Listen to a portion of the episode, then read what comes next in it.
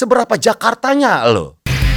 Semua berkumpul di Soke di Sekut FM. Ya, Skofar Herman Soken balik lagi di Sekut FM episode ketiga. Wey!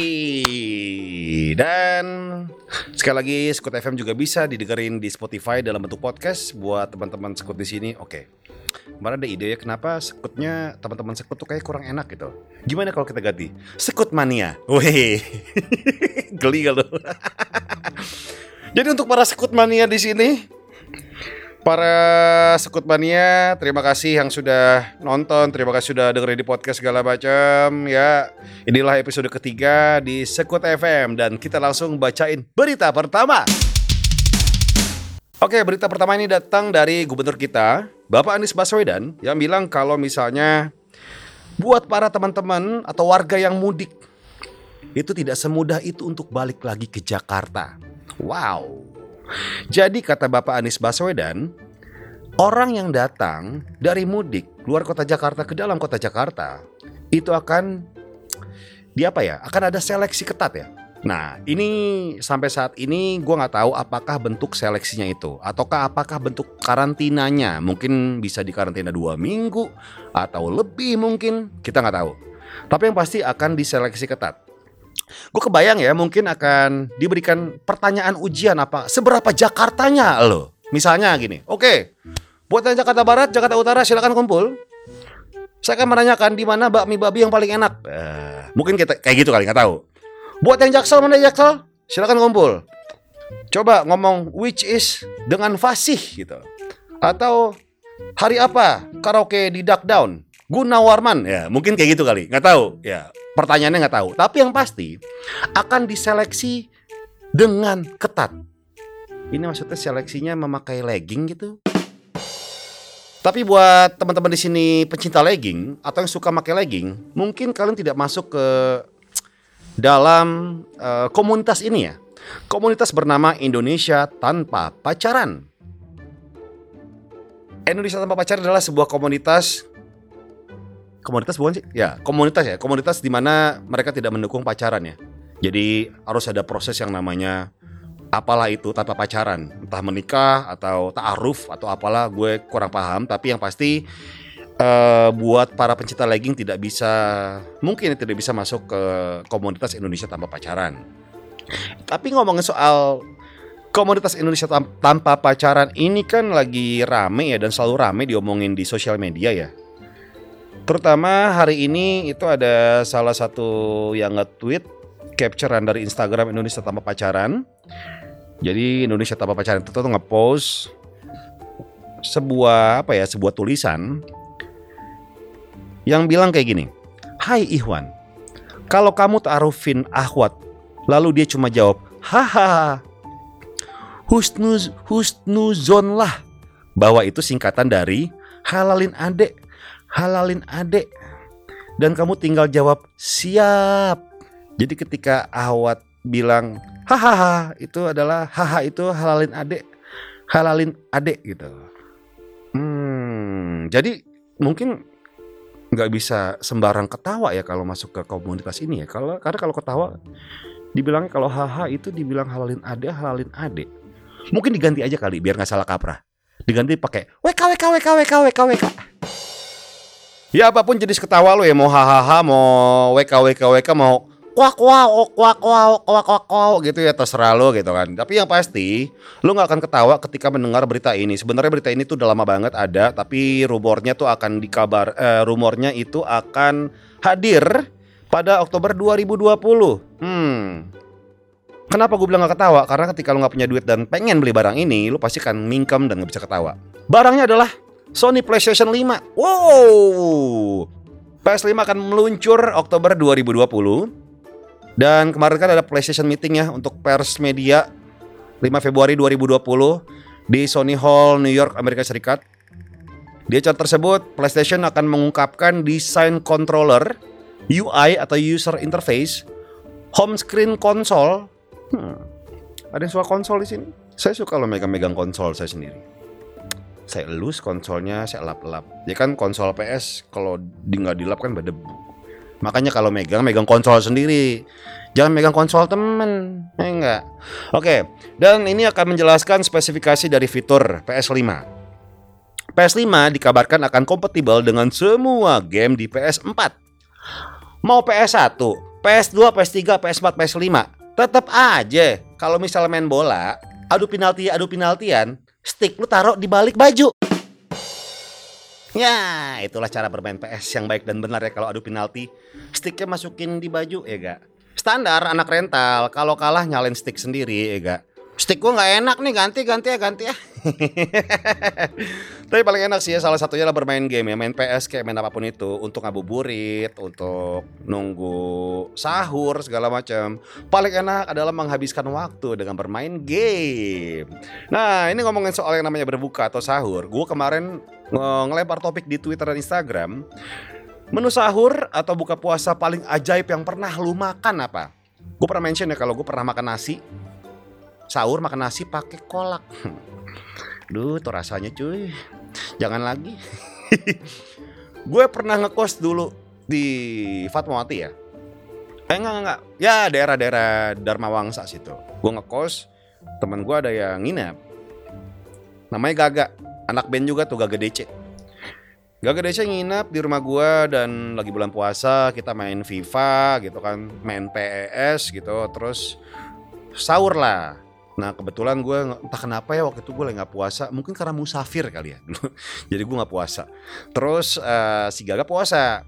Teman gue ini tuh bilang, par, gue ke warteg sebelah. Pas gue datang kucuk kucuk kucuk, lauknya udah pada habis. Ya, lu ada mie instan nggak? Apa gitu? Wah nggak ada. Warung juga pada tutup. Soalnya mendekati Lebaran kan, jadi pada mudik, pada tutup gitu. Wah, lapar banget lagi nggak ada apa, nggak ada makanan apaan gitu di kosan lo. Oh ada gak? Apaan? Tenang, menu sahur spesial buat lo. Dia nunggu tuh. Wah, akhirnya nih Gopar, penyelamat gue. Akhirnya gue makan buat sahur. Pas pas eh, dilihat gitu kan, makanannya apa Far? Nih ada nih permen. permen pox. Jadi dia sahur pakai permen pox yang warna merah. kenyang, kenyang dah lo. Itu salah satu menu ajaib ketika sahur atau berbuka puasa. Kita udah ngelempar Instagram nih. Baca-bacain ya. Dari Instagram dulu. Pratama Salman. Nasi sama mangga bang, mantep. Gusti underscore HK bilang makan lontong pakai kue bolu. Wow, sangat cocok ya. Dipanggil underscore Bim, makannya pakai promah. Wih, anak kos nih, anak kos. Tanggal tua. Pudin underscore bilang salah milih tempat bukber alhasil ngebatalin pakai Guinness. Hmm. Oh Guinness Book of Record kali ya. Bagus bagus. Terus eh, nggak tidur siang nasi garam kecap manis. Wah. Menunya bangsawan Bulgaria nih. Oh ada nih sama kayak gue nih. Kayak teman gue maksudnya. Elf nih bilang katanya sahur pakai permen karet. Abizar Abizar Rapdar bilang nangka pakai saus. Riri Riari. Sate ayam campur sate padang pakai sop iga, Bang. Aduh. Basya Muhammad. Semur jengkol dan sambal pete. Wah, jam 7 pagi mulut lu bau ba- bau got mampang. Mal Kemal bilang pas buak pas buka langsung nete. Nggak ngerti gue. Nete itu netesin, netesin pete kali ya. Di netes netesin gitu kali ya. Oke, langsung ke Twitter. Rivaldi Afri. Sahur pakai res-resan tempe mendoan sisa buka puasa kemarinan. Asli kagak bohong. Luar biasa. Menu bangsawan Uganda. Wero Fadli. Pernah makan sahurnya pakai sayur bayam liar bang. Oh, yoi. Nyolong di tetangga nih biasanya nih. Untung nggak ini loh. Apa namanya sayurnya sayur bayam liar nggak kecubung. Bisa gila dua hari loh. Kalau kata Anugrah 9756 sekian sekian sahur lontong lauknya kupat bagus. Diet karbo nih pasti nih. Sahur lontong lauknya kupat. Hmm. Minumnya jus bacang. Oke kita telepon eh, salah satu yang kepilih untuk ngobrol-ngobrol di Sukut FM. Ya. Halo bang, Halo, selamat malam dengan Junior ya. iya bang. Weh, Junior. Lo rumahnya di mana Junior? Di ini bang, di Bogor bang. Oh, di Bogor. Oke, Bogor mananya cuy? Baranang siang enggak? Di terminal enggak? Kagak di ini perbatasan antara Bogor sama Tangsel bang. Oh, oke. Ini kita lagi ngomongin soal yang namanya menu sahur atau buka favorit eh eh favorit paling ajaib gitu. Lo pernah makan apa? Iya. Iya, itu tuh yang ketumpahan apa? eh teh manis, Bang. Jadi kan gua ini nih makan makan buka puasa nih lagi nyiapin kan. Hmm. Nah, udah udah azan maghrib. Hmm. Nah, gua ambil teh manis kan. Hmm. Terus gua taruh tuh tehnya tuh di samping piring gua. Hmm. Gua ambil nasi Hmm. sama lauknya. Hmm. Udah tuh gua gua mau makan, nah pas mau ngambil kerupuk, eh kesenggol tuh tehnya, tumpah Oh. ke ini gua, piring gua anjir. Oh, jadinya nasi pakai teh manis. iya kecampur tuh sama kuah semur juga. Nggak nggak penuh sih teh manis saya setengah lah tuh, kayak lumayan lah. Hmm. Ini ca- cara ngomongnya pasti rumahnya di Pondok Indah nih itu komplek. Eh, lu terus gimana rasanya? Rasanya gimana Junior? Ya nggak karu-karuan deh tuh rasanya. Tunggu deh nama asli lu Junior ya? Junior Noval. Kok nama lu anak komplek? Gaya lu, gaya ngomong lu belakang komplek nih. Gue nggak percaya nama asli Junior. Ya Jujun nih, Jujun. Jujun. serius. Kagak, panggilannya mah Iyong. Junior dipanggil Iyong. Bener kan? Anak belakang komplek. Enggak. Itu kalau Junior dipanggil Iyong. Nah kalau Baskara dipanggil apa coba? Wah, kita telepon Baskara di ngobrak ngobrol ngacak.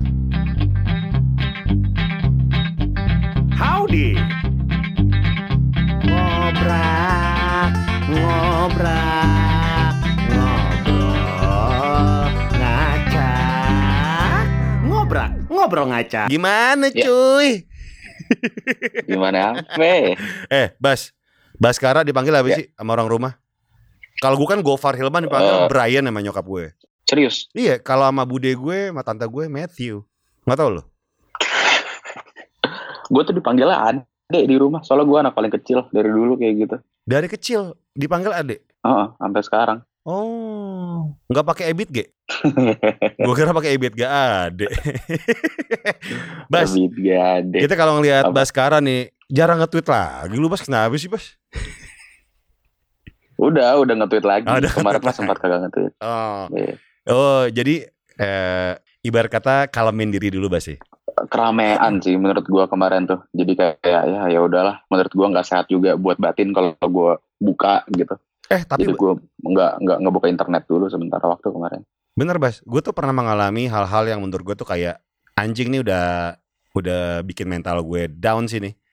Maksudnya Mhm. kadang-kadang kita kayak mikirin kayak ini harusnya nggak kita pikirin nih. Cuma kok kadang-kadang ngaruh juga ya, tai juga ya gitu kan. Sampai Emang emang menurut gue kayak kadang-kadang saran orang yang kayak udah lu nggak usah pikirin kayak gitu. Sebenarnya emang pasti lu pengennya nggak mikirin. nah, Cuman nggak mungkin menurut gue nggak kepikiran dikit mah buat gue nggak mungkin sih sebenarnya. iya. Heeh. Lu sampai gue tuh pernah kayak nggak mau ketemu manusia kecuali kerja.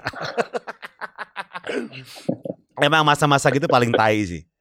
Iya. Nah, Ah, tapi ya. yang gue salut dari lu adalah lu tuh bisa ini, bisa apa namanya? Bisa chill. Ya, terlihatnya ya, terlihatnya chill gitu.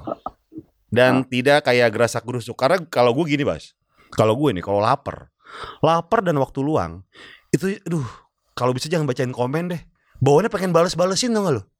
Bales-balesin kasar dong lu? Ah, ah. Lu lu ada ada kayak gitu gak sih? nggak menurut gue nggak mungkin sih par maksudnya orang siapa pun ya kalau bisa lah ngebaca kayak gitu nggak ada keinginan paling kecil sedikit pun gitu dalam Iya. hatinya buat kayak gue pengen ngomong deh gue pengen bales gitu Hmm. cuman eh, pengalaman gue pernah membalas dan pernah ngewaro gitu Mhm. ternyata mem- membuat keadaan lebih buruk pada Hmm. akhirnya jadi kayak impuls itu mau nggak mau harus gue tahan gitu Iya, iya. Tapi tapi bener banget sih. Seperti yang gue alamin ketika gue balas nih Bas nih. Anjing gue Hmm. balas ah. Ketika udah kenyang dan ketika lagi happy, gue akan lihat tweet gue gitu. Atau balasan gue. Katro banget ya, ngapain gue ladenin.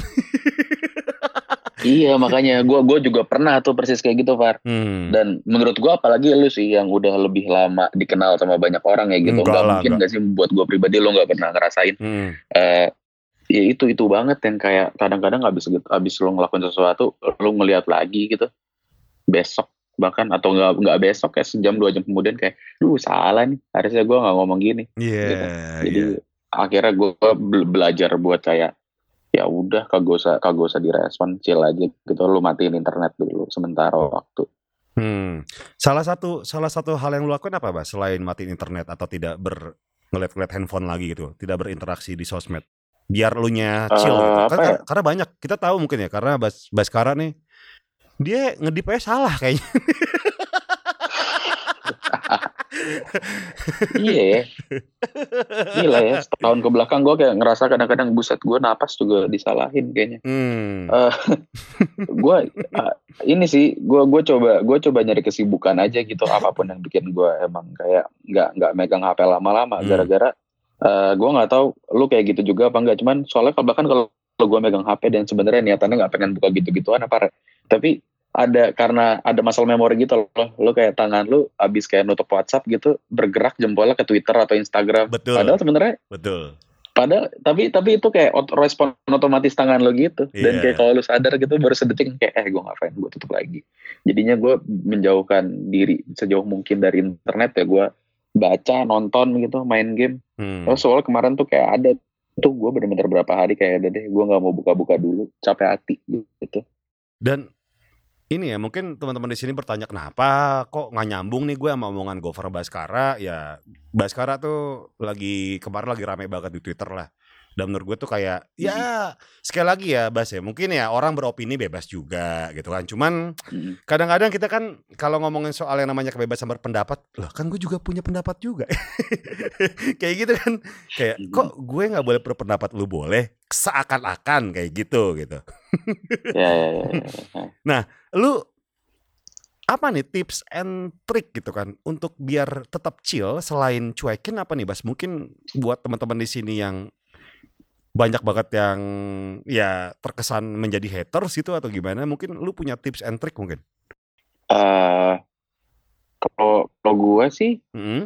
eh ya, ya yang yang gue sadarin pertama kali adalah lo nggak mungkin selamanya bener-bener nggak buka atau menjauhkan diri dari internet ya Ya. gitu. Pada akhirnya ada ada momen di mana lo harus kembali lagi karena sekarang tuh emang hidup buat gue sih hidup kita semua udah udah ya internet udah jadi bagian integral dari situ gitu. oke Jadi eh, gua gua ngasih diri gue waktu gitu berapa lama gua mau bener-bener nggak buka sama sekali Hmm.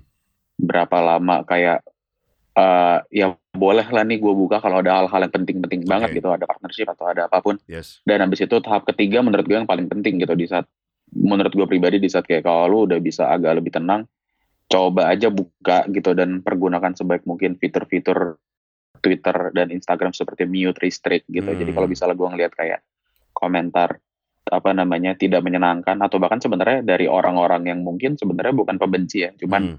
eh, ya lu kan nggak tahu kan kadang-kadang kayak ada orang yang emang yang ngomong karena ya pengen ikutan komentar aja. Cuman sebenarnya nggak benci atau nggak nggak nggak kesel gitu sama Ya. lu. Cuman kan belum tentu efeknya menyenangkan buat lu kan pas baca benar itu. benar benar benar.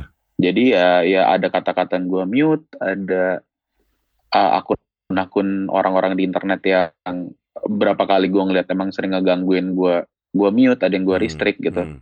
karena buat gue pribadi sebenarnya ini pandangan pribadi gue andaikan kalau misalnya gue uh, uh, tapi sebenarnya lebih jahat nge-mute sih buat gue pribadi daripada ngeblok atau ngerist atau atau kayak lebih jahat restrict daripada ngeblok. Kenapa? Karena orang itu nggak tahu kalau dia di restrict atau di mute Hmm. jadi dia masih masih dia masih merasa. meluangkan waktu.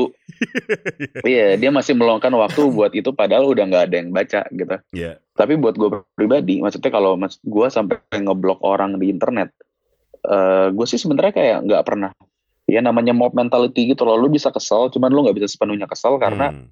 Ya buat gue orang di internet ya atau siapa pun ya bisa segampang itu dan segampang itu opininya berubah saat melihat sesuatu info baru atau kayak Ya. mereka juga bebas gitu beropini kan betul jadi kalau misalnya gue ngeblok seseorang bukan karena menurut gue pribadi bukan karena gue benci sama orang itu toh Hmm. kenal juga enggak tapi karena menurut gue waktu yang dia pakai buat ngata-ngatain gue sehari bisa 10 menit bisa dipakai sama dia buat ngerjain hal lain yang lebih penting gitu. iya iya jadi kalau misalnya gue blok ya ya gue apa namanya kasarnya eh nge ngehemat waktu lu lah setengah jam sejam tiap hari gitu Hmm, betul betul betul tuh ini pasti dipertanyakan sama lo, sama tim lo, sama band lo gitu kan. Kenapa sih video ini harus keluar lagi kan itu video lama.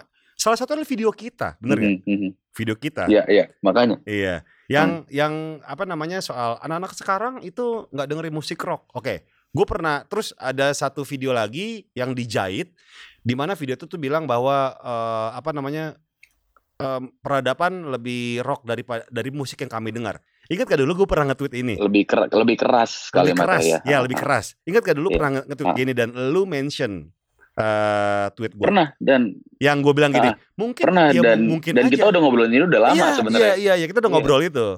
Yang gue ngomong gini, mungkin ya mungkin aja referensi musik rock atau metalnya Baskara ya mungkin masih belum seluas lu lu lu, lu, lu semua gitu gitu kan.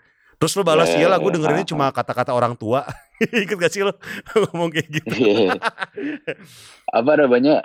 eh kalau ngomongin dua video itu, Hmm. sebenarnya itu aja satu udah lucu sih pak. Iya, Sebenarnya kayak betul. bahkan tahun lalu rame. Eh, kalau eh, semenjak semenjak waktu itu kita ada video kita berdua tuh ngobam Hmm. eh, di apa namanya yang live ini. Iya. Eh, pas gue pertama kali lihat video itu beberapa hari beberapa hari setelah dia naik udah ada di YouTube, gue ngeliatnya emang orang banyak debat di kolom komen perihal gimana sih behavior atau kayak eh, polanya orang-orang sekarang dengerin lagu. Apakah Hmm. mereka lebih suka mendengarkan hip hop ataukah Hmm. emang kayak rock masih banyak pendengar ya. Hmm. Cuman kalau buat gue pribadi itu masih tarakan debatnya sehat gitu loh. Maksudnya Hmm. ya ya semua orang punya pendapat kan, semua orang punya betul, betul. pandangan gitu. Tapi yang satu video lagi gitu itu udah video beberapa tahun lalu tiba-tiba naik gitu di waktu yang bersamaan Dan video dijahit. kita dan di dijahit. naikin juga dan Iya. dijahit. Ah. Eh, ya gue nggak tahu lah motif apa dan siapa yang melakukan gitu pertama kali. Sebenarnya buat gue pribadi budaya akun-akun anonim di media sosial tuh kadang-kadang ya Aduh, buat gue nggak semuanya.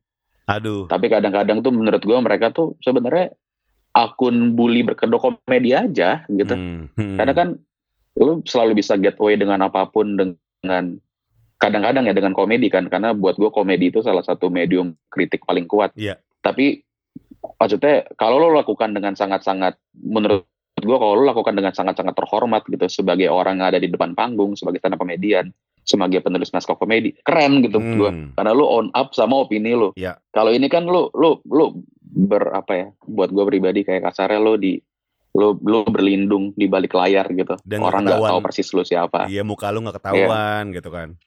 Mm. Menurut lu, Kalau ngomongin dua apa? menurut lu akun anonim itu tuh apakah emang dia pengecut atau emang kayak ya gue nggak mau ribet aja ketahuan muka gue karena banyak banget loh yang tiba-tiba followernya banyak gitu kan.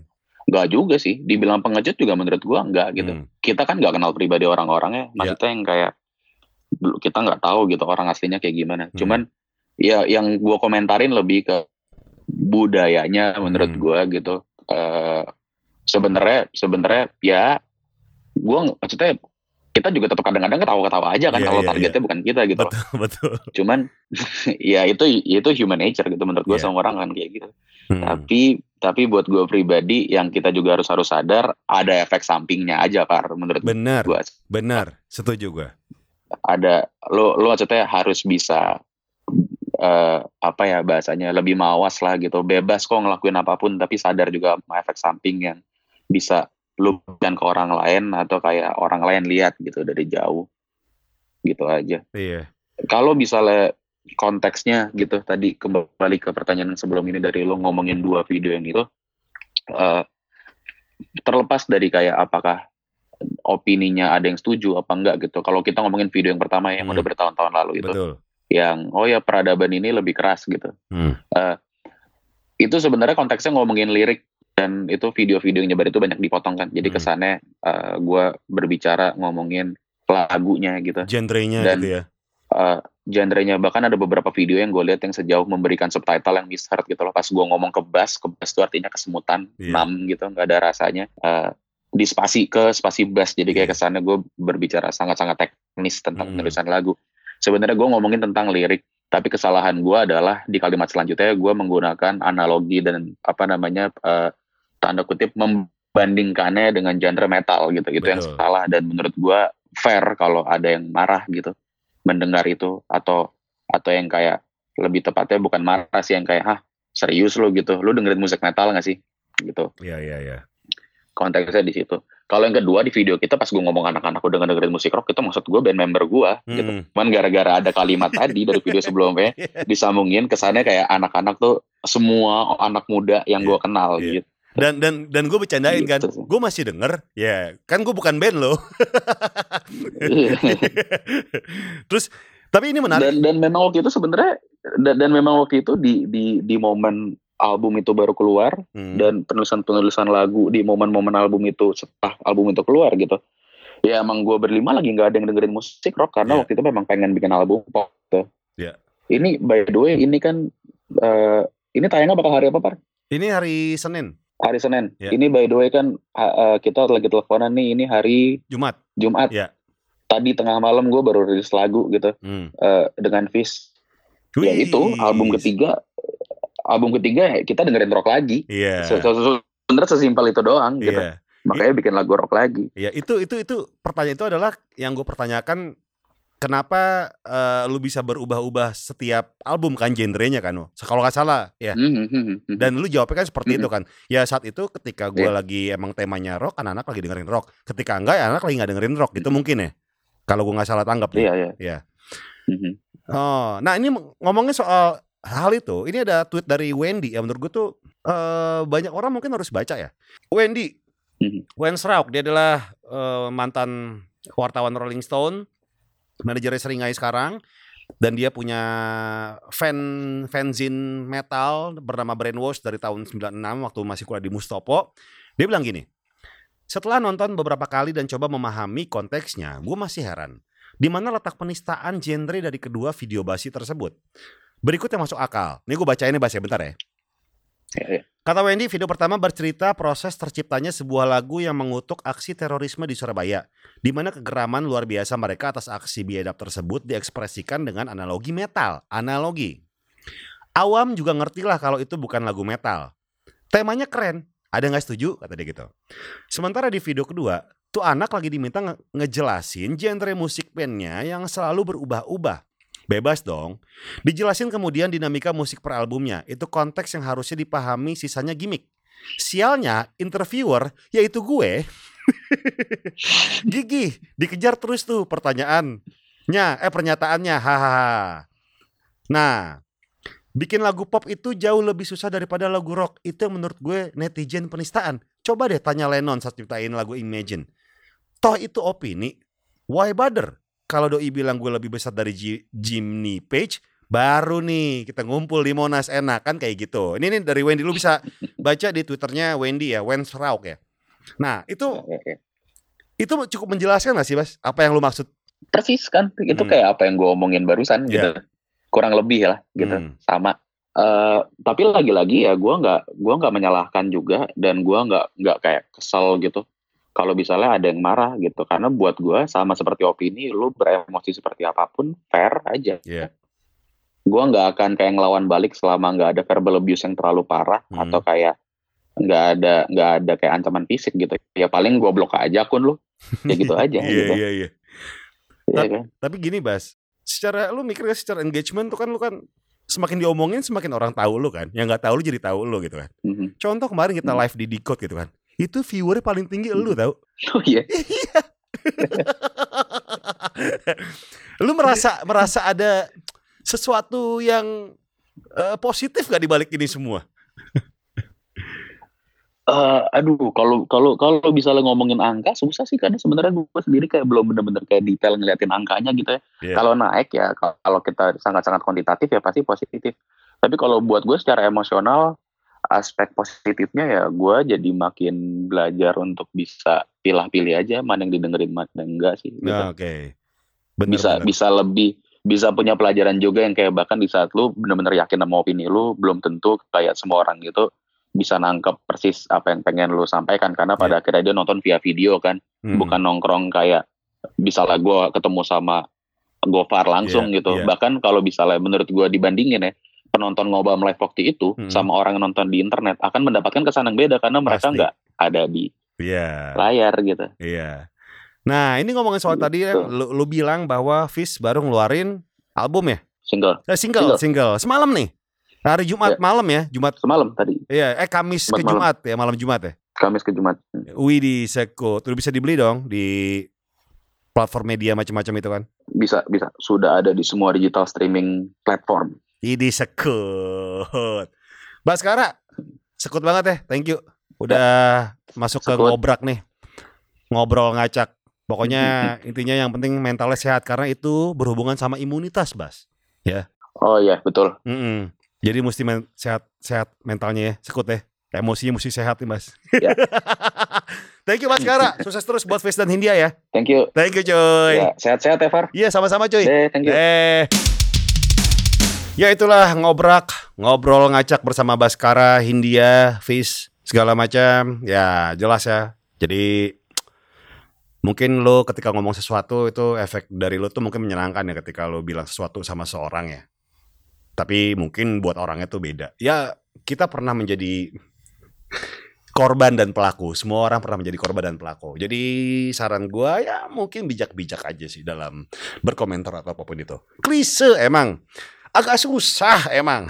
Tapi itu yang selalu gue terapin sih maksimal ya. Gue berusaha mencoba untuk eh, apa namanya mawas diri lah.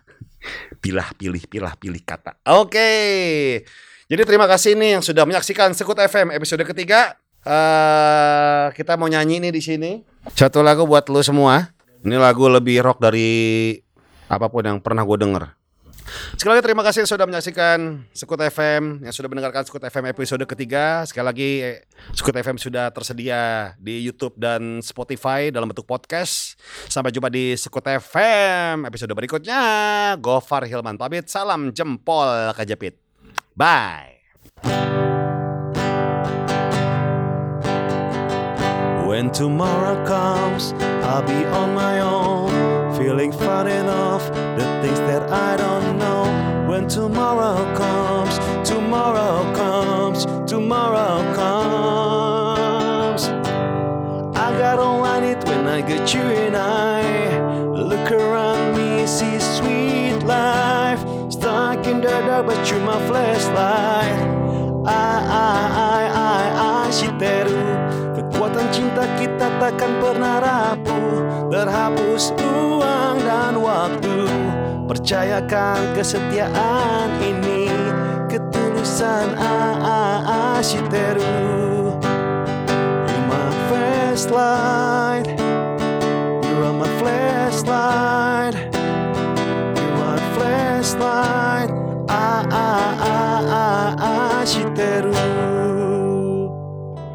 Ah Shiteru